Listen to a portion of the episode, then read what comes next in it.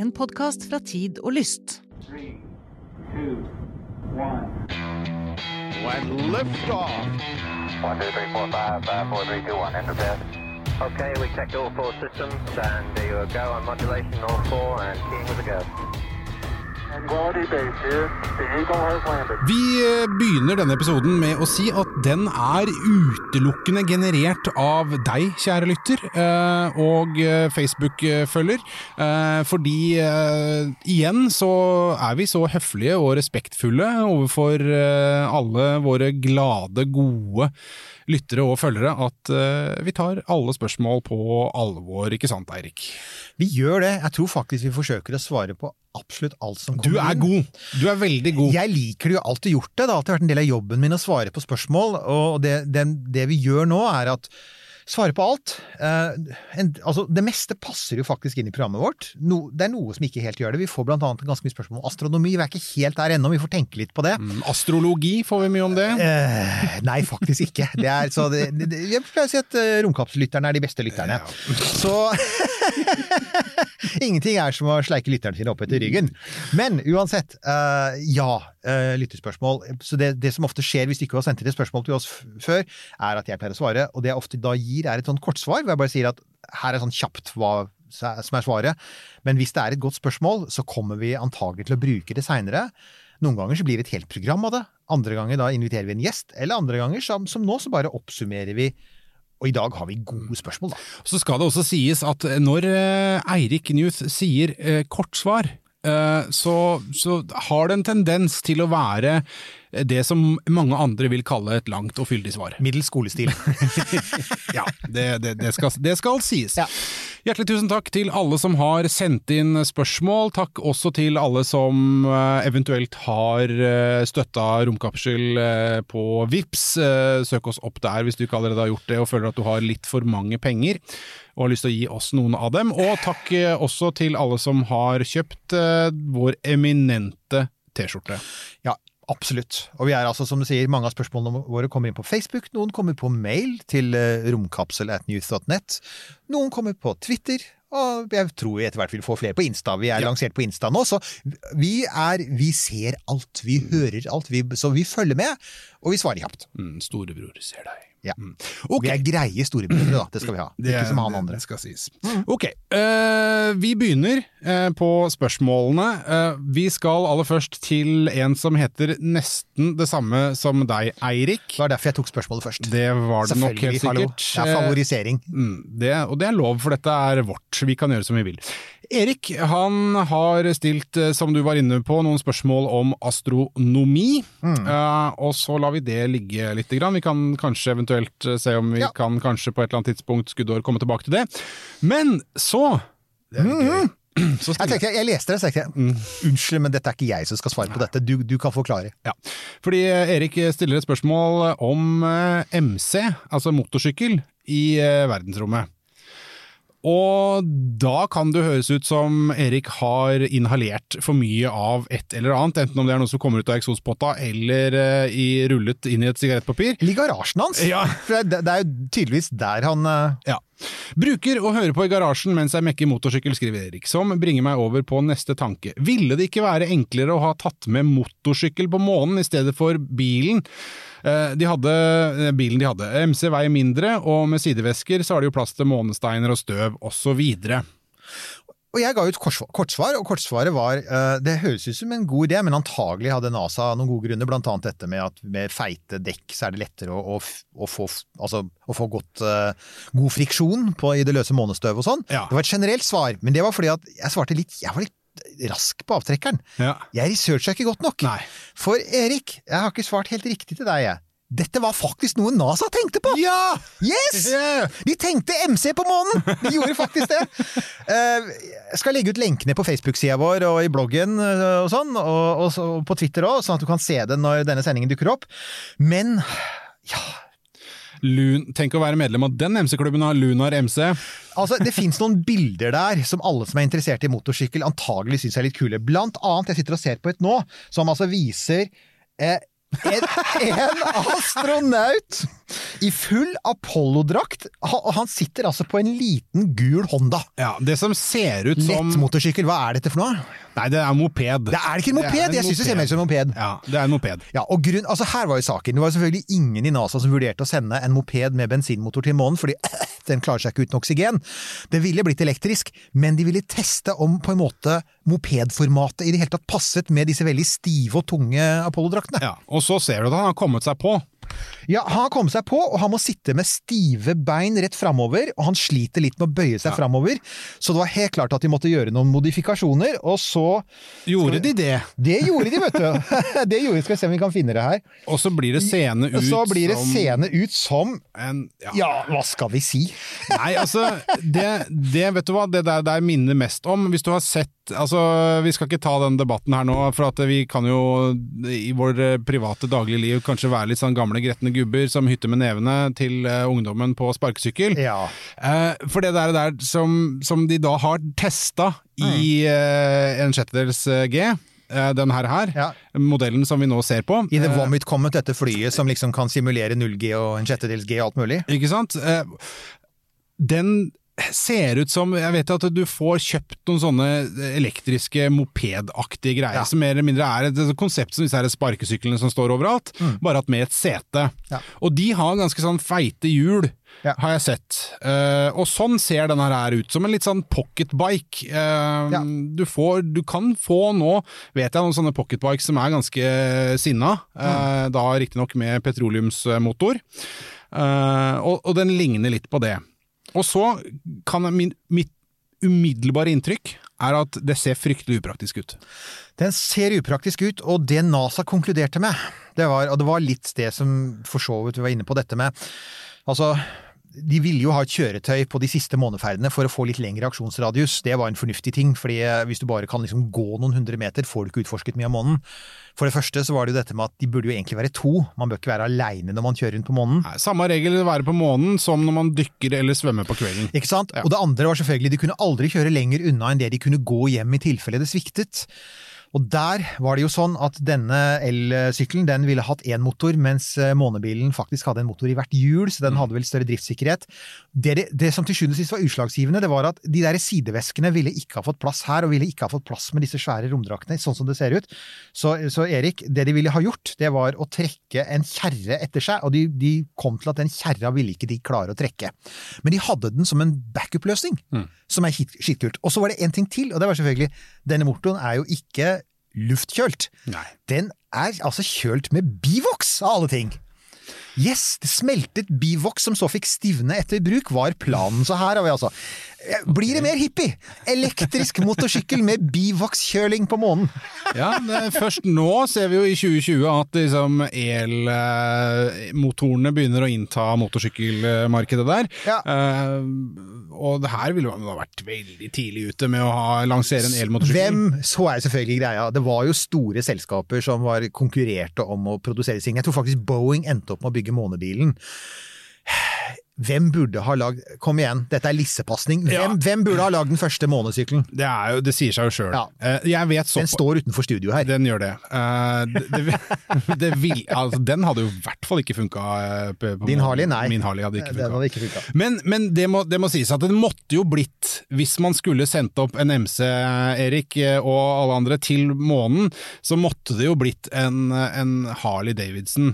Mm. El, altså, det kunne vært Indian. Ja. For så vidt, men det, egentlig så måtte det blitt en, en HD fra Milwaukee. Ja. Eh, men så skal det også sies at når det kommer til driftssikkerhet og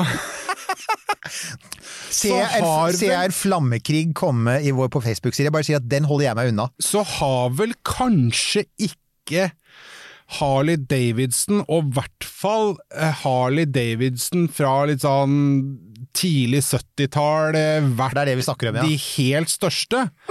Eh, driftssikkerhet her var det vel andre land som var sterkere på, og også i dette her segmentet med mo- moped-size-segmentet. Selv jeg har hørt det. Ikke sant? Selv jeg har det, altså. Og det ville kanskje blitt feilt, eh, feil å sende opp eh, noe asiatisk, eh, noe, noe, noe, noe japansk, noe, noe koreansk. Det hadde vel ikke funka. De kunne ha spurt Jaksa, Japans utrolig det- Navnet på Japans romorganisasjon, Japans NASA, heter Jaksa, og det er så kult at jeg bare liker å si det av og til. Kanskje Jaksa hadde fikset det, men jeg, jeg, tror, jeg tror du har helt rett, for Apollo-programmet var jo nasjonal stolthet. De skulle slå russeren, de skulle vise hvor bra USA var. Og eh, jeg ser for meg at eh, Harley Davidson kunne ha fått et utrolig fet eh, NASA-kontrakt. Jeg kan si at Hvis de noensinne bygger en månebase, og det er jo snakk om å gjøre det, så er det klart, da kommer man jo til å gjøre det.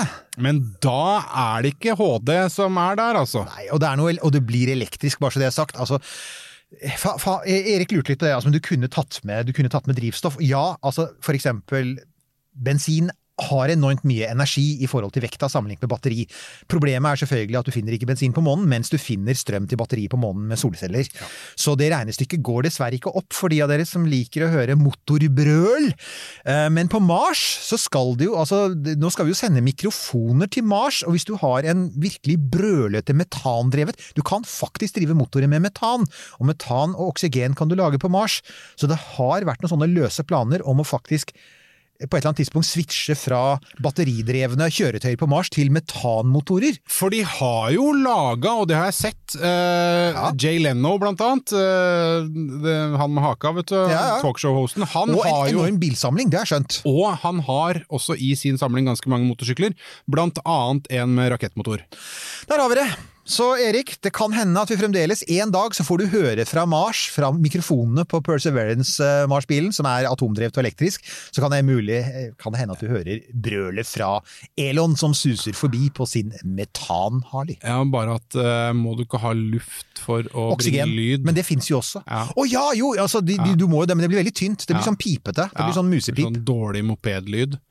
Veldig dårlig moped. Og Ja, I tillegg så ser jeg for meg en del problemer og utfordringer med de der romdraktene og, Ja. og stabilitet og balanse og sånne ting ned denne, i, i, kjører seg fast nede i sanda og sånne ting. Så, men det har jo ja. som kjent aldri hindret noen i å gjøre interessante ting. Nei, det er sant det. Sant det. Ja, nei, Jeg så liker tanken, og jeg ville Ja. gjerne vært med i Da kan du begynne å snakke om 1 motorsykkelklubb, for der er det ikke mange som har, har den vesten. Sant. Gøy spørsmål. Det liker jeg. er, det er en mission patch. Oh. Det hadde vært noe å dø. Luna, Lu, Lunar MC. Lunar MC. du, det, må, det må noen gjøre. Ja. Den skulle jeg lett hatt. Yes. Uh, det var deilig. Kombinert uh, to ting som jeg liker veldig veldig godt. Verdensrom og motorsykkel. Ja, ikke sant? Det er fint. Det er. Takk for det, Erik. Ok, da er vi fra Erik til et annet uh, godt, trygt norsk navn. Christian.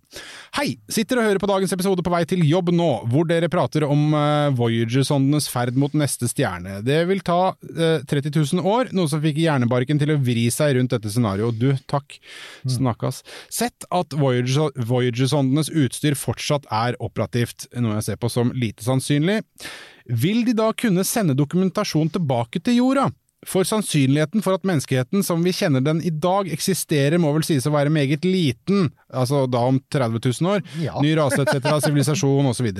Om disse meldingene fra Voyager blir sendt og treffer jorda fra en annen stjerne, kunne dette bli tolket som en bekreftelse på utenomjordisk eksistens? Catch Det, det, 22. du vet hva, det siste der er jo innmari interessant, for det er mer sånn filosofisk. At man har glemt Voyager? Ja! At, vi, at en gang i fremtiden så For altså Voyager er jo utstyrt med sånne plater Ja. som skal fortelle romvesener eh, ikke sant? at eh, du, hallo, eh, vi skal eh, Altså, vi kommer fra jorda, ikke sant? Men det Ja, er der vel hadde vi, der var det sånn, vi hadde vel det i den episoden også. Der var det masse eksempler på hei på en hel bråte forskjellige språk. Nemlig. Og så er det, er det, ikke, er det ikke plottet i en av disse Star Trek-filmene? Jeg lurer på om det er det. Ja, ja, ja, At det kommer noe tilbake, for det kommer noe fra rommet, og det viser seg at det er Voyager-sonden som vender tilbake. Viger. Og vi har helt glemt at den er der. Så, så Christian, jeg tenker uh, Vet du, om 30 000 år så kan det hende at vi er et, et helt annet sted, at vi har glemt alt sammen. Kanskje vi har begynt på nytt igjen, who knows? En apokalypse har inntruffet, og, Mm. og verden har på en måte blitt resatt. Og de overlevende da, eller nyutviklede etter det, har ingen, eh, ingen hukommelse, ingen minne, ingen, ingen dokumentasjon om det. Da åpner man jo for ganske mange eksempler på tror oi, her kommer det signaler fra verdensrommet, er det en annen sivilisasjon? Tror Christian er inne på noe. Han sier jo selv at dette er bare et tankestreif fra en student med sommerjobb og for mye tid for seg selv. Ikke for oss, Christian! Vi er, dette er våre liv. Vi tenker sånn hele tiden. Dette er jo normal tankegang. Dette her, her dette er en ganske morsomme, morsom tanke, og her ser jeg for meg at det ligger altså et vell av muligheter for ganske gode filmer, blant annet. Ja, bedre enn den, eh, for den var ikke særlig god. Star Trek-filmen er generelt ikke veldig god, og da har vi en ny flammekrig. Nå har vi allerede startet motorsykkelkrigen, nå kommer Star Trek-krigen. Eh, men ja, eh, helt klart. Og hvis noen, vær så god, sett i gang og skriv den nye neste norske science fiction-romanen. Vi har glemt det, og så mottar vi et signal fra en annen stjerne. Når det er sagt, han har jo for så vidt rett i at Voyager kommer ikke til å leve så lenge. Den har et utrolig seiglivet plutoniumbatteri. Du kan bare sånn kjapt si hva det er. Altså, Alle disse romsondene som skal ut i det ytre solsystemet, de kan ikke bruke solceller. De må gå på elektrisk strøm.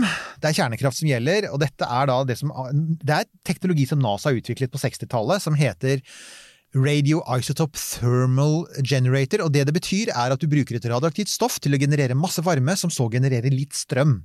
Og fordi det ikke er noen bevegelige deler i disse små batteriene, som varer i, som varer i hvert fall i 50 år, kanskje 100 år, så kan de vare så lenge. Og, og hadde du hatt mer langtlevende radioaktive materialer enn plutonium, som har en halveringstid på 88 år, så da etter 88 år så er halvparten av strømmen brukt, eller halvparten av energien er liksom borte, så kunne du antagelig, du kunne antagelig holdt hele veien til en annen stjerne. Det finnes jo noen veldig langlivede uranvarianter der ute.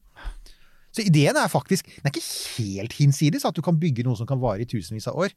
For du har som sagt ingen bevegelige deler, men det er innmari ineffektivt, da. Ja, det er jo, he er jo helt fascinerende hvor lite effektivt det er. Det er det. Altså, for det, altså, det finnes en scene i The Martian som eh, Det er den hvor eh, Matt Damon finner ut at eh, den Mars-bilen han skal kjøre av gårde i, den er for kald.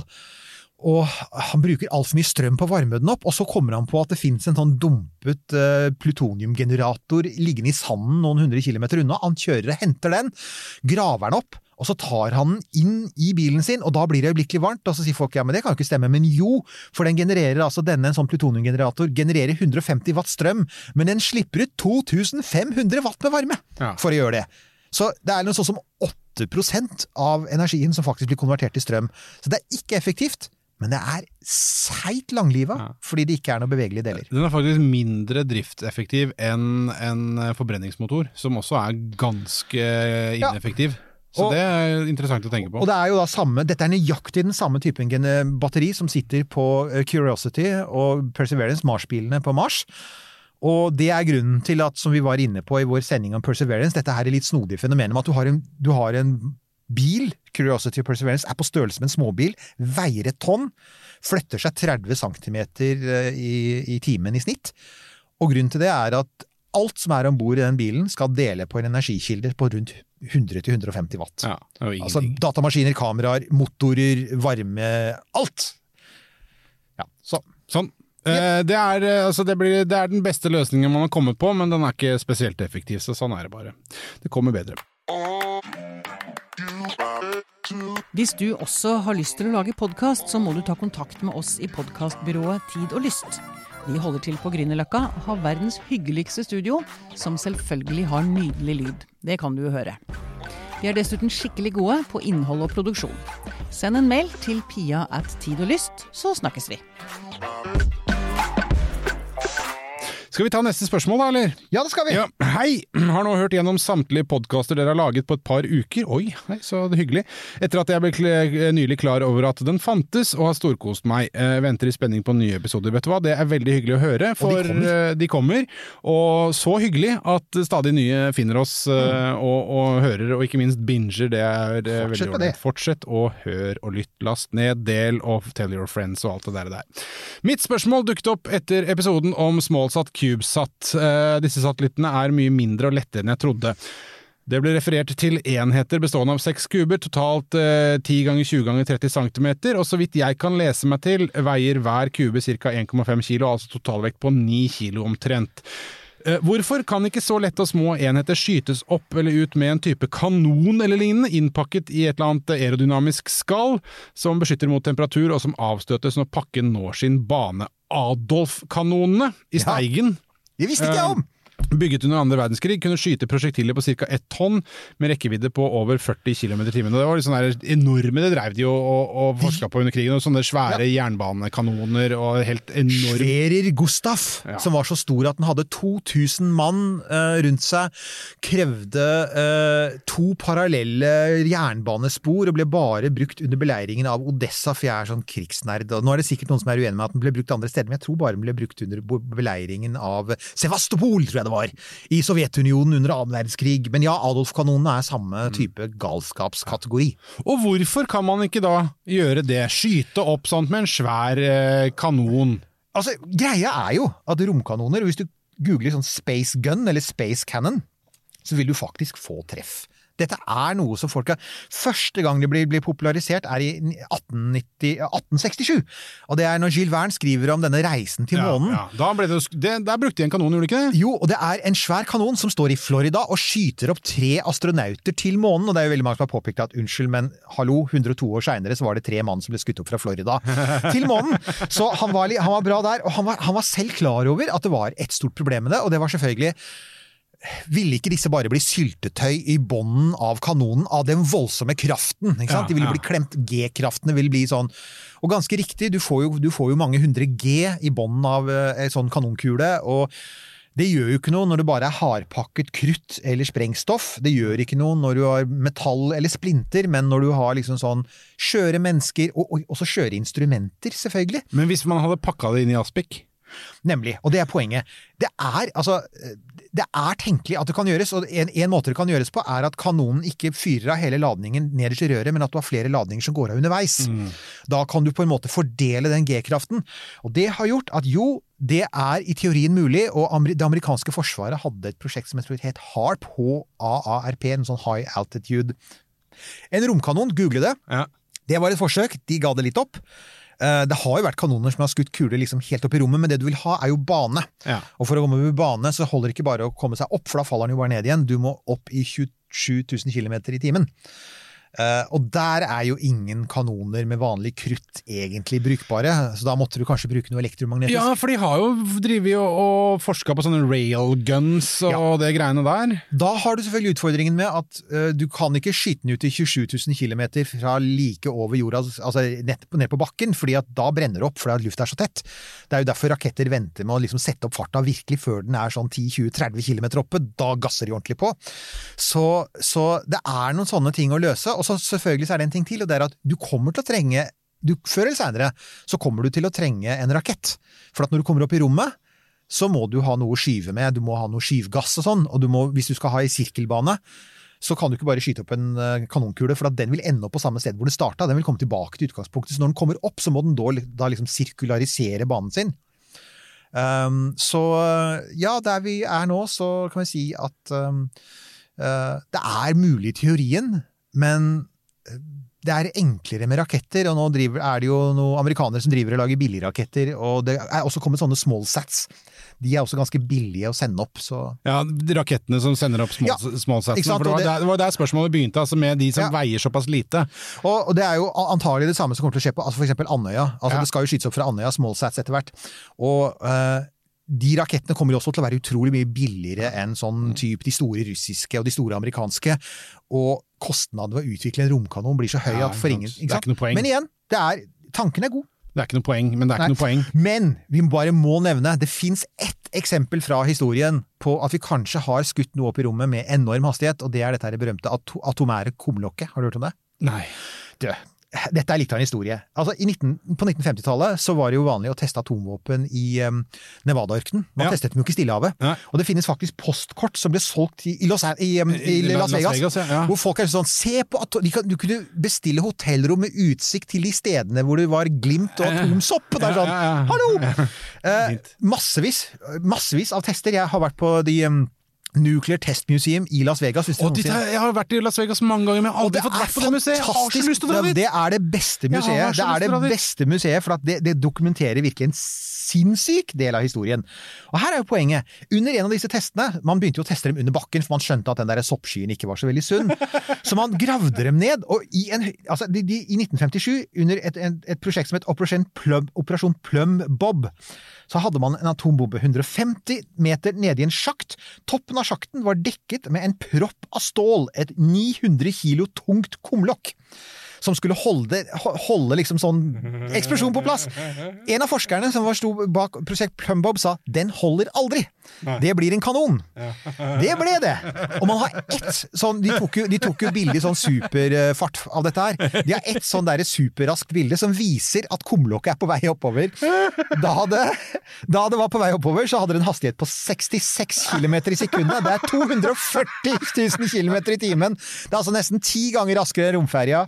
Seks ganger innslipningsfarten fra jorda. Det ville tatt, det ville tatt igjen Oumuamua, som ikke vi nå kan ta igjen uten problemer. Det de sier er at vi tror ikke vi har sendt en superraskt kumlokk til stjernene, for de tror faktisk at, at Der har du det igjen. Det, fordi Altså, det var ikke eksplosjonen fra atombomben, men antagelig friksjonen fra atmosfæren gjorde antagelig at det bare ble til damp. Ja, For at du starter med 240 000 km på bakkenivå, uh. og før du har kommet liksom 10 km opp, så er du konvertert til en ja. Men det er jo noen krefter der som er Men altså, så ta google Operation Plumbob eller Adolf-kanonen, og kos dere. Det er en fantastisk historie. Jeg liker at, uh, at her var det altså høyt utdannet folk som tenkte at ja, dette holder. Ja. Dette blir bra. Ja, Og så en stakkars fyr Ikke vær så negativ, da! Som bare sier så Altså, jeg det- liksom, Dette kommer det aldri er liksom en tanke på at vi sender et, et, kumlokk til stjernene. Jeg, jeg håper jo at de har skrevet noe pent på det kumlokket. Da. Det var sånn derre The City of Las Vegas. Ja, ja, nemlig! Sewage- Service. ja, ja, ja, Sweet, sewage, sewage service. Ja. Og så sitter det noen aliens der. Er dette det beste dere klarte å sende oss? Fy fader, for noen drittfolk! Det er forklaring Det er forklaring på Fermi-paradokset, Nils Johan. De kommer ikke av Operation Plumbob, det atomære kumlokker. Ja, det de fikk, var noe som lukta litt uh, Ja, ja, tvilsomt. Mm, Ja. Det, er, det, er, det er noe av det beste jeg har hørt på lenge. Ok, Jon Fredrik har sendt inn et eh, nytt spørsmål her. Eh, Hei, Jon Fredrik, takk for det. Jeg hørte episoden der det snakkes om at man fort kan bli hengende midt i et vektløst romskip hvis man ikke har noe å ta tak i for å dra seg noe sted. Eh, mulig det er noe jeg ikke har forstått, men vil man ikke få en slags fremdrift om man bare blåser? Luften går ut av munnen, og da vil man vel bevege seg bakover, eller vil det ikke ha noe som helst å si fordi det er for lite krefter i det? Jeg ser for meg en astronaut som svever midt i en romstasjon og blåser febrilsk for å få tak i en vegg. Ja. Eh, dere er nesten pent nødt til å lage flere episoder, og oftere. Ja, du vet hva, nå gjør vi så godt vi kan, eh, Jon Fredrik, så takk for det. Romkapselen makes space fun again. Det kan dere sitere på. Da det er nå gjort. gjør vi det. Da gjorde vi det. Ja, eh, Jo, nei, det var Personal propellant. Han har jo, han har jo rett. Ja.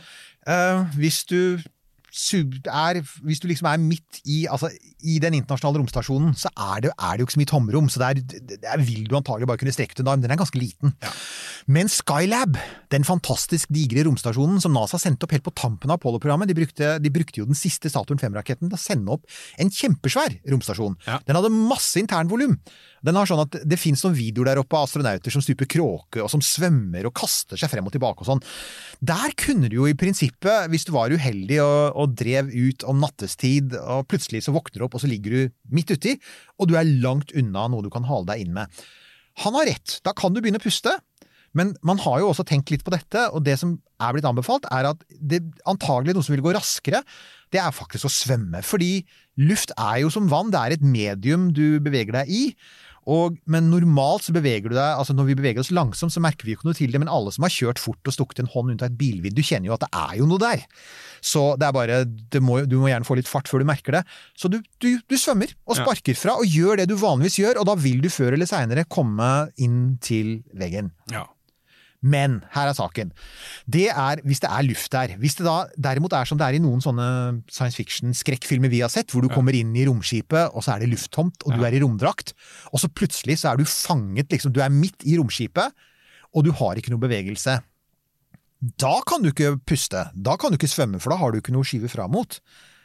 Så hva gjør du da? Jo, da må du altså finne noe du kan liksom hive i én retning. For du at må du skal ha med deg en trehake, liksom. Ja, og hvis ikke du har det, så kan du gjøre Det er andre gang vi henviser til uh, The Martian. Det er den sluttsekvensen hvor Ja. han redder situasjonen ved å fly som Iron Man. Han Ja. tar hull på Og det funker jo! Ja. For da, får du, da kommer luften ut av hansken hans, og så kan han styre den. Det eneste problemet er selvfølgelig at hvis det da ikke er mulig å tette den hansken, så dør du jo. Relativt fort, ja. Ja. ja. ja. Så ja. Så ja, du, du hadde rett. Uh, upraktisk, men uh, it works. Ja. Uh, det beste er å bruke borrelås, så man holder seg på plass. Ja, det er det, ikke sant? Og som du også sa, ha alltid noe med deg. Altså ha noe, ha Hvis du har en sånn derre Jeg pleier alltid å ha en sånn Swiss Army Knife, en sånn der liten eh, rød sak. De er Victorinox, de er kjempegreie.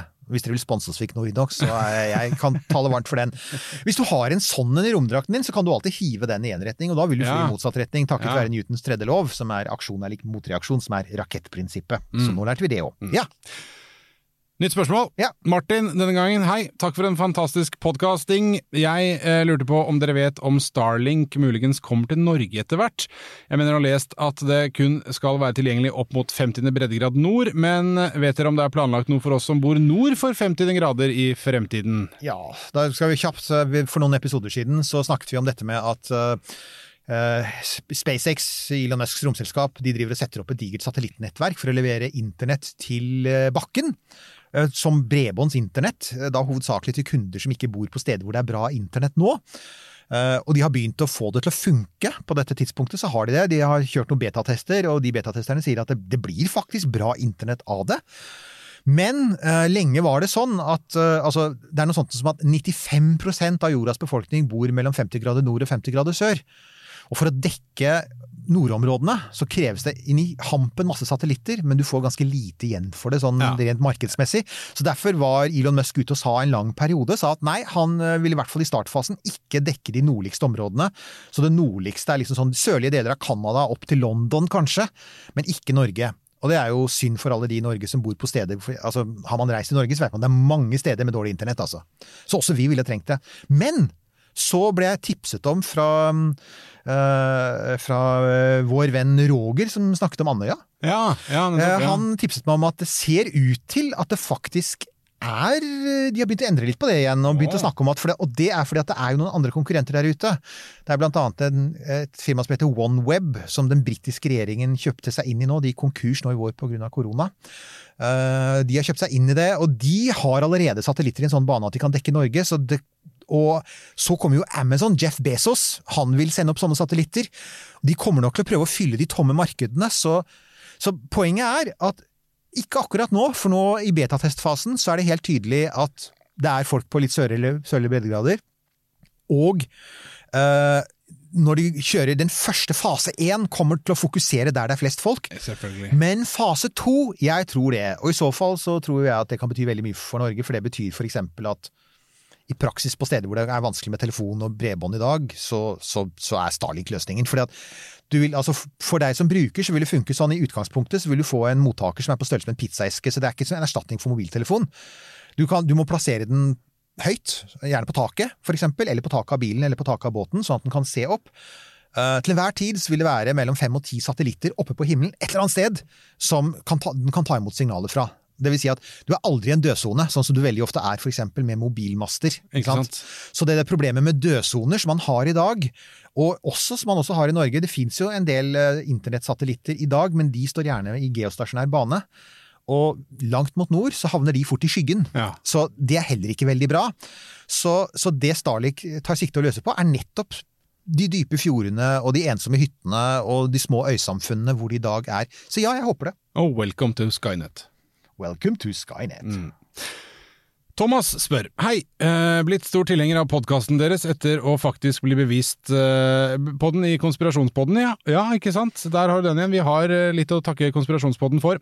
Jeg har et spørsmål vedrørende navigasjon til eller på Mars. Du sier, Eirik, at eh, det er som å fly og navigere dit i 1920-åra Mm. av manglende GPS og lignende. Mitt spørsmål er da, er det ikke mulig å sende opp et par satellitter rundt Mars med faste egne holdepunkter som lager et nettverk og faste punkter for kommende romskip til Mars? Vil ikke dette være kostnadsbesparende også? Og så tar vi med takk igjen for en fin podkast for oss idioter som drømmer oss bort. Ja, men du er jo da definitivt eh, ingen idiot, Thomas, for det der er faktisk Det der er altså, Igjen så var det sånn jeg svarte kort til han og sa det er jo egentlig en god idé. Og Ja. GPS vil funke rundt Mars, Ja, og Mars har jo ikke noe sterkt magnetfelt, så kompass vil faktisk ikke funke. MPS. Eh, ikke sant? Mm. MPS. Og, eh, så, men så sjekka jeg litt mer før den sendingen, og, ganske, og, og faktisk, for ca. 15 år siden, så var det folk i NASA som ønsket å tenke på det. Ja, okay. Og ideen deres var at de hadde, de hadde ikke tenkt å sende et eget GPS-nettverk. De sa men hva om vi bare sender en liten GPS-sender med på alle de sondene som skal dit uansett? Ja, ikke sant? Så kan de eh, danne etter hvert et, et, et, eh, nett- Nemlig. nett- Fordi at du trenger mer enn to, altså. Ja, For ja. få- det er vel 24 vi bruker i det jordiske GPS-nettverket. Du trenger ikke supermange, men du trenger flere enn liksom sånn. Man kom vel til da at det ble litt for dyrt og for komplisert, og det var ikke mange nok sonder, så man skrinla det litt. Men tanken er der. Eh, Det som jeg tror er grunnen til at man ikke har gjort det fram til nå, er rett og slett at det man gjør nå, da, er at man kan faktisk bruke de sondene, romsondene som er i bane rundt Mars nå, så kan man delvis regne ut hvor eh, hvor f.eks. Curiosity og Perseverance etter hvert står, de som er i bevegelse, for det er jo bare de som gjelder. De som står fast er jo ikke noe interessant, de, de veit vi jo hvor er. Man kan bruke signalene fra disse Mars-bilene til å beregne ganske presist hvor de er på overflaten akkurat nå. Det er først og fremst fordi de kjører så innmari langsomt. Ikke sant? Ikke sant? Så det går jo ikke hvis noe kjører fort, og vi skal jo sende droner til Mars etter hvert. Eh, og så kan man også selvfølgelig alltid verifisere ved å ta et satellittbilde, for at de er store nok til å ses på bakken. Men igjen, hvis du har noe som er mindre, så syns det ikke fra satellitt. Så Thomas, dette er noe som helt klart kommer, og jeg tenker at når eh, han som har lyst til å bygge millionbyer på Mars, vi har nevnt han så ofte, så nå gjør vi ikke det lenger, men når han hvis navn ikke skal nevnes, eventuelt lykkes med å bygge en millionby på Mars, så er det garantert at det kommer noe GPS, fordi MPS. MPS! Fordi som kjent, eh, de, eh, de, eh, de, de snasende elbilene som den samme mannen produserer, som vil fungere helt fint på Mars fordi det er elbil, de vil jo De styres jo med sin autopilot via GPS. Så hvis han skal utvide elbilbusinessen fra jorda til Mars, få seg et helt nytt marked, så trengs det MPS Ja. Skal du ha bil nummer tre på Mars? på Mars. Mm, ja. Eh, men men enn en så lenge så, så er det liksom visuelt eh, nærmest må gå i eh, Finner vi eh, den knausen som vi hadde tenkt. Mm. Ja, det er, det er knot. Det er 1920. Eller 1920, det er ikke det engang. Det er Nei, det er ikke det engang, for i 1920 hadde jo faktisk kompass. Ja, og sekstant kunne man jo bruke Så også. dette er, dette er egentlig så er det sånn, sånn Steinalder. Ja, det er sånn 920 før vi fikk de første kompassene, hvor du i stor grad navigerer etter husken, og du navigerer etter landskapstrekk. Ja. Og så sammenligner du med kanskje noen primitive kart. Det er litt der vi er på Mars nå. Ja. Det holder ikke. Astrid Helene spør, hyggelig at vi har noen eh, kvinner også oh, ja, ja. som hører på. Hei, hørte om romkapsel gjennom konspirasjonspodden. Ja, ikke sant, tilbake, takk konspirasjonspodden. Digger entusiasmen og har plutselig blitt mer glad i romfart. Ingenting gleder oss mer enn akkurat det. Har hørt alle episodene på noen dager. Jeg hører dere sier at satellitter faller ned når de er døde. Hvor faller de? Eh, Kan de dette ned i hagen? Kan jeg få svare kort på det? Ja. Ja. Det er nemlig! Det er kortsvaret. Eh, altså, hvis du googler uh, 'Satellite Falls in Garden', så får du faktisk reelle treff. Når det er sagt, da.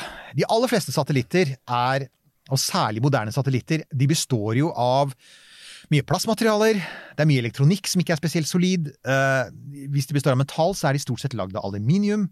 Og det, det er ting som smelter Altså, det smelter og brytes opp.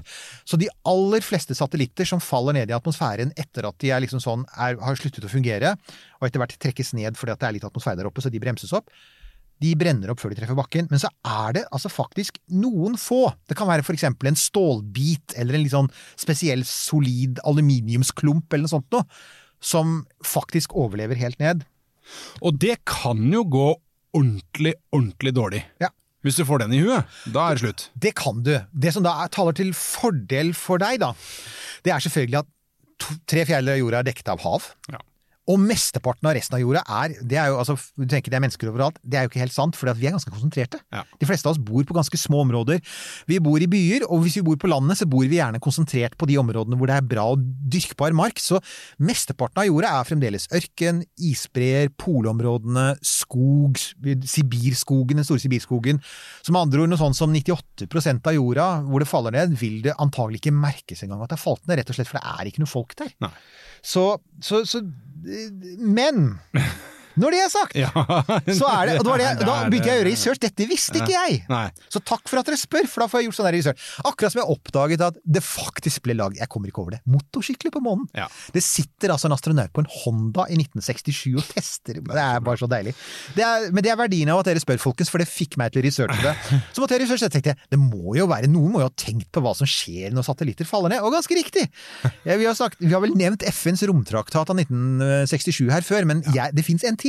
I 1972 ble det inngått enda en romtraktat, og den heter Convention on International Liability for Damaged Caused by Space Objects. Det er så deilig. Å, det er så deilig! FN, altså. Takk FN for at dere gir oss Hvis du da skriver 'Hei, kjære gjensidige', Ja, nemlig! viser til Ja, men du, vi har fått så mange lyttere nå at jeg er ganske sikker på at hvis det er noen der ute som jobber for forsikringsbransjen, Ja. Gi, lyd på Facebook, da! Har dere hørt ikke- om for, gjør det, så skal vi gjerne Vi hører svært til, for dette veit ikke vi nok om. Er det naturskade? Er det menneskeskade? Eller må man altså faktisk ta dette opp med sin lokale FN-ambassadør? Men ja, det fins en FN-traktat, og den har Norge sluttet seg til, visstnok. Ja, ja. Og det det betyr er at så er det selvfølgelig dette med at nå skal det Vi nevnte jo nettopp at det skal skytes opp tusenvis av satellitter til Starlink. Ja. Uh, Elon Musks Starlink Å, søren, der nevnte jeg det! Sorry! Uff. Ja, Mm. men ok. Disse Starling-satellittene er faktisk bygd for å brenne opp. Så det er de veldig klare på. De, de, som de sier, de er lagd av materialer som lett brenner opp i atmosfæren. Men det danske romkontoret Romkontoret? Kan, er du er bedre i dansk enn meg? det, det, åh, Nå følte jeg så press på meg. Det danske romkontor. Det danske romkontor. Der, å, mye bedre enn meg! Du, en sending for en tid- Ja, en, en sending for en tid siden så spurte du hva er det du har Du må jo ha ofra noe for å huske så mye rart og ha så mange ord på, på, på rappen. Ja. Jeg er blant annet jeg er en elendig imitator. Jeg prøvde en gang å invitere, invitere vaggværer, folk fra Vågå. Det var patetiske greier. Det er en grunn til at sommershowet Eirik Knut satte opp på, eh, på Hotellklubben i Tønsberg ikke ble en Det årlig affære. det årlig Det var en blanding av kabaret og, og standup. Eh, Det varte var ikke så lenge. Det var ikke så mange som kjøpte billett. Men det danske romkontoret Ja. De har altså da faktisk tatt til orde for at disse nye romselskapene, OneWeb, SpaceX, eh, Amazon Uh, Til og med Samsung snakket om å sende opp satellitter, selv om de har satt, tatt, uh, lagt seg, la- gitt opp det. Men poenget er de bør, de bør tegne en egen ekstra ansvarsforsikring, sier de. Det er litt interessant, da, for det er jo da eh, det, det tyder jo på at kanskje ikke den romtraktaten er så dekkende likevel. Men igjen, hvis det er noen fra forsikringsbransjen her ute, så si fra, da. Har dere, har dere noensinne fått noen som sier du, det falt ned en stor stein i noe? For det er faktisk, for det er bare for noen år siden så falt jo ned en meteoritt ikke så langt fra her vi sitter. Ja. Den falt gjennom en sånn derre kolonihage, som Ja, altså for de som ikke bor i Oslo, er en sånn liten Ja. hytte i byen. Ja. Veldig koselig. Eh, og de er veldig små, og de er lagd av tynt materiale, så de hadde gått gjennom tjærepappen og lagd et ganske stort hull i taket. Jo, det taket ble jo reparert av noen velvillige meteorittsankere fra Geologisk museum i Oslo, men jeg tenkte plutselig at altså, det må jo være naturskade. Men om den hadde vært en aluminiumsklump fra en, en, en russisk satellitt, who knows. Men helt på slutten må vi si, det fins jo et eget sted på jorden hvor eh, altså elefantenes elefantenes kirkegård, altså det stedet hvor de store tingene går for å dø. Ja. Og det er altså da Det heter da Romskipskirkegården på norsk, eller The South, South Pacific Ocean Uninhabited Area. Og det er det området på kloden som er lengst unna bebygd område. Altså den, det er noe sånt som 2500 km i alle retninger til mennesker. Ok. Er en- er det et sånt sted hvor de bruker liksom Her sikter vi det på? Vi sikter, så når man tar ned store ting fra rommet nå, så prøver man altså romstasjoner eksempel. En dag så skal nok den internasjonale romstasjonen ned. Snuff, snufs, men det skal den. Ja. Uh, uh, vi vet at eksempel da den store russiske romstasjonen Mir, Ja. den datt jo ned i Det var vel i 2001. Da den datt ned da, så ble den styrt ned i det området. Ah, okay. Og det er fordi at den er så stor Ja. at der vil garantert noen biter falle ned. Ja. Og dette vet vi, for at da Skylab, som vi nevnte i tidligere spørsmål, den, den skulle også ha vært styrtende der, men amerikanerne mistet kontrollen på den på slutten av 70-tallet. Ja. Planen var å redde Skylab ved hjelp av romferja. Eh, sende opp en, rom, den, en av de første romferiene skulle ha reist opp til Skylab og, og hjulpet til å skyve den opp, for den ble Ja, bremset av jordatmosfæren. Men på slutten av 70-tallet så var jordatmosfæren såpass langt oppe pga. en aktiv sol, var det vel. Og det gjorde at Skylab bremset fortere enn planen, så det var vel i 79, tror jeg, at den begynte å falle, og romferien ble ikke skutt opp før i 81. Og på slutten så mistet NASA kontrollen, så den, deler av den falt faktisk ned i, i Australia. Ja, ja. Ikke i Sør-Stillehavet. Så resultatet var jo at eh, australiere fant biter av Skylab på bakken, men heldigvis var det ingen som ble truffet. Nei, det bor jo ikke så mye folk i Australia. Der er det mye ledig Men, land. men det er altså nesten 300 større romfartøy, inklusive sju sovjetiske romstasjoner, og massevis av disse automatiske forsyningsskipene til den internasjonale romstasjonen er styrtet ned i South Pacific Ocean Uninhabited Area, som jo er et utrolig Altså, havbunnen der er jo Ja, det må jo være strålende. Det er vel dypt ned. så Stedet hvor romkapsler går for å dø. Det er vel ikke bare å dykke ned der, men det hørtes gøy ut. Ok, eh, vi tar med et eh, siste spørsmål siste, ja. her. Eh, Mats, eh, hei Mats, takk. Først til fremtiden. Eh, vi snakker jo veldig mye om å kolonisere Mars, med referanse til flere sci-fi-filmer. Men hvis det viser seg å bli for vanskelig, er det da mulig å bygge en kunstig planet? Kan vi f.eks. bygge en enorm romstasjon som går i jordens bane, der vi kan simulere kunstig tyngdekraft og leve med dag og natt, vinter og sommer? Eller, jorden, eh, eller, jorden unik, eller er jorden så unik plassert til solen med månen osv. at en slik stor gjenstand ikke vil holde seg i bane? Og hvis det er mulig, er, ikke en slik romstasjon, ikke en slik romstasjon svaret på alle våre eh, katastrofe, katastrofer? Og vi har vel delvis vært innom det i den der eh, episoden vår med Kristoffer Schou. så var vi innom det.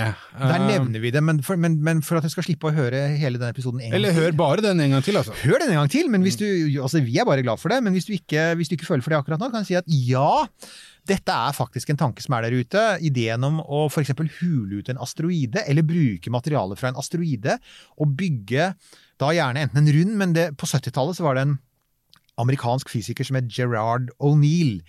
Han hadde kommet til at hele ideen om å kolonisere planeter det var for usikkert. Vi visste ikke hvordan disse planetene var, og de var ikke egentlig særlig godt tilpasset mennesker.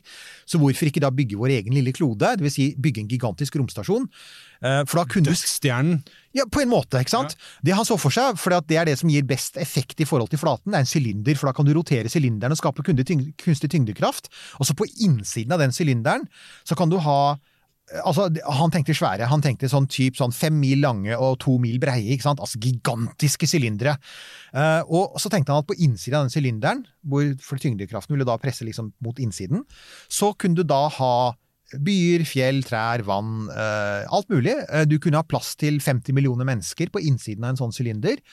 Og de kunne du plassere Det fantes, det finnes som han, som han er inne på dette med try, eh, stabile baner. Det finnes, Du kan ha dem i lav jordbane, men vi har jo nettopp sagt at etter en stund så begynner ting å falle ned. Så det vil du ikke.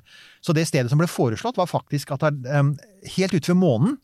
Men ikke ved månen, men ca. en sånn sjettedel av veien forbi månen i samme bane som månen, sånn ca. 60 grader nord eller 60, 60 grader vest eller øst. Der er det noen stabile banepunkter, for der er månens tyngdekraft og jordas tyngdekraft og solas tyngdekraft holder på en måte banen i sjakk. De kalles for Lagrange-punktene, og jeg skal ikke gå noe mer i detalj på det akkurat nå, men det er stabile baner. Der kan sånne sylindere henge så mye de bare vil, de vil aldri falle ned på jorda. Ja. Eh, Så, så planen var pla- rett og slett å plassere Unnskyld, planen eller teorien? Det var en ren teori. Det var selvfølgelig, og dette var, det, det, helt riktig. Så døde jo dette. Det skjedde jo ting i mellomtiden, og verden gikk videre, og 70-tallet var forsvant, og slengbuksene forsvant. Og så, så døde hele tanken om sånne store sylindere. Så har vi jo, som alle veit, de siste fem årene hatt en diger diskusjon om å kolonisere Mars. Og da har jo noen av de samme folka begynt å dukke opp igjen og si ja, men unnskyld, Mars er Altså, det er jo som Elton John synger, ikke sant? Rocket Man, Mars ain't the place to raise a kid. Og han har egentlig rett, det er ikke noe Ja. bra sted. Ja. Lav tyngdekraft, giftig atmosfære, masse stråling. Og så er det da konkurrenten til eh, han som driver SpaceX, nemlig verdens rikeste mann, Jeff Bezos, som Ja. også har sitt eget romselskap, Blue Origin, som vi ikke snakker så mye om her, for at de gjør ikke så veldig mye for øyeblikket, eller det de gjør er veldig hemmelig. Så vi vet ikke så veldig mye, men poenget er at han holdt et foredrag i våren, eh, 2000, eh, våren 2019. Og jeg kan legge ut en lenke til det på, på, på Facebook-sida vår og i bloggen. Eh, og det foredraget er sånn 45 minutter hvor han argumenterer for disse romstasjonene. Han mener at disse romstasjonene er egentlig byggekolonier bygge kolonier eller planeter utenfor jorda for millioner av mennesker. Det er redningen for jorda, sier han. Og det er rett og slett fordi at vi kan ikke fortsette å bli stadig flere folk, og vi kan ikke fortsette å, å høste stadig mer av jordas ressurser eh, fordi jorda er begrensa. Ja. Det er begrensa med plass. Og han sier hvis vi vil ha ubegrenset økonomisk vekst, Ja. Og ikke bli hemmet av at på et eller annet tidspunkt så er det for mye folk på jorda, så bør vi flytte dem opp i sånne kolonier, og så bør de bygge nye kolonier, og så bare fyller vi solsystemet med romkolonier, og så, så lar vi planetene være i fred, sier han. Ok, så, så for å svare, eh, oppsummere spørsmålet som eh, Mats eh, stilte. Eh, ja, det kan vi eh, gjøre. Det kan vi bygge, men uh, igjen ja, det, det, er, det er mye. Og det finnes uh, stabile steder som de kan uh, ligge på, og hvor de vil bli værende. Skal vi bo der som sånn Elysium i den filmen? Ja, det. Elysium er faktisk et godt eksempel på hvordan et sånt samfunn Og det, den, den, den simulerer faktisk det ganske bra. Det er jo en sånn ringformet romstasjon. og der, hvor du, hvis, du står, hvis du står på bakken og så ser du rett opp over deg, så ser du ikke himmelen, du ser liksom bakken på motsatt side. For den er ringformet, ikke sant? Ja. For øvrig bare nevne her, siden vi, i tilfelle noen savner han, eh, vår venn Werner von Braun, Ja. som jo selvfølgelig var opptatt av Ja, og han hadde jo romstasjoner. han hadde romstasjoner, men han var først og fremst en tilhenger av å kolonisere planeter. Ja. Han var tilhenger av Lebensraum. Ja. Så ja. Og på det. Nils Johan, tenker jeg at vi Da har vi nok en gang Tusen takk for spørsmålene. Supre spørsmål. Fikk meg til å researche ting jeg ikke har researcha før. ja, dette var gøy. Dette var gøy. Motorsykkel Ja, på månen! Vi kommer er ikke strålende unna. Det var helt strålende. Strålende. Så da er det bare å minne om at vi altså er tilbake om en uke. I mellomtiden, besøk oss på Instagram, på Facebook, på Twitter. Romkapsel.no. Romkapsel.no. Send oss mail om dere har lyst til det. Vi er der, og vi lytter.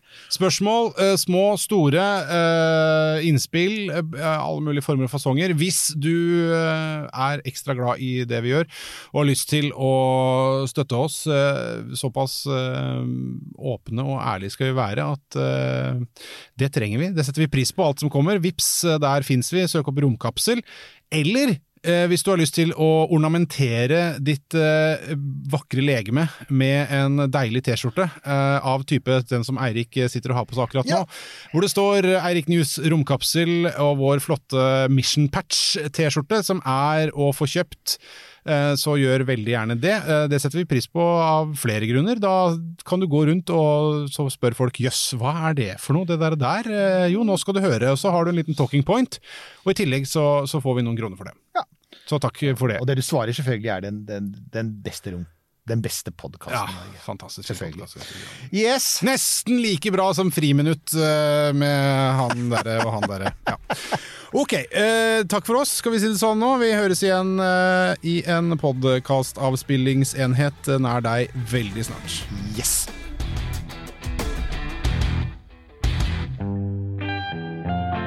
Denne Podkasten er produsert av Tid og Lyst.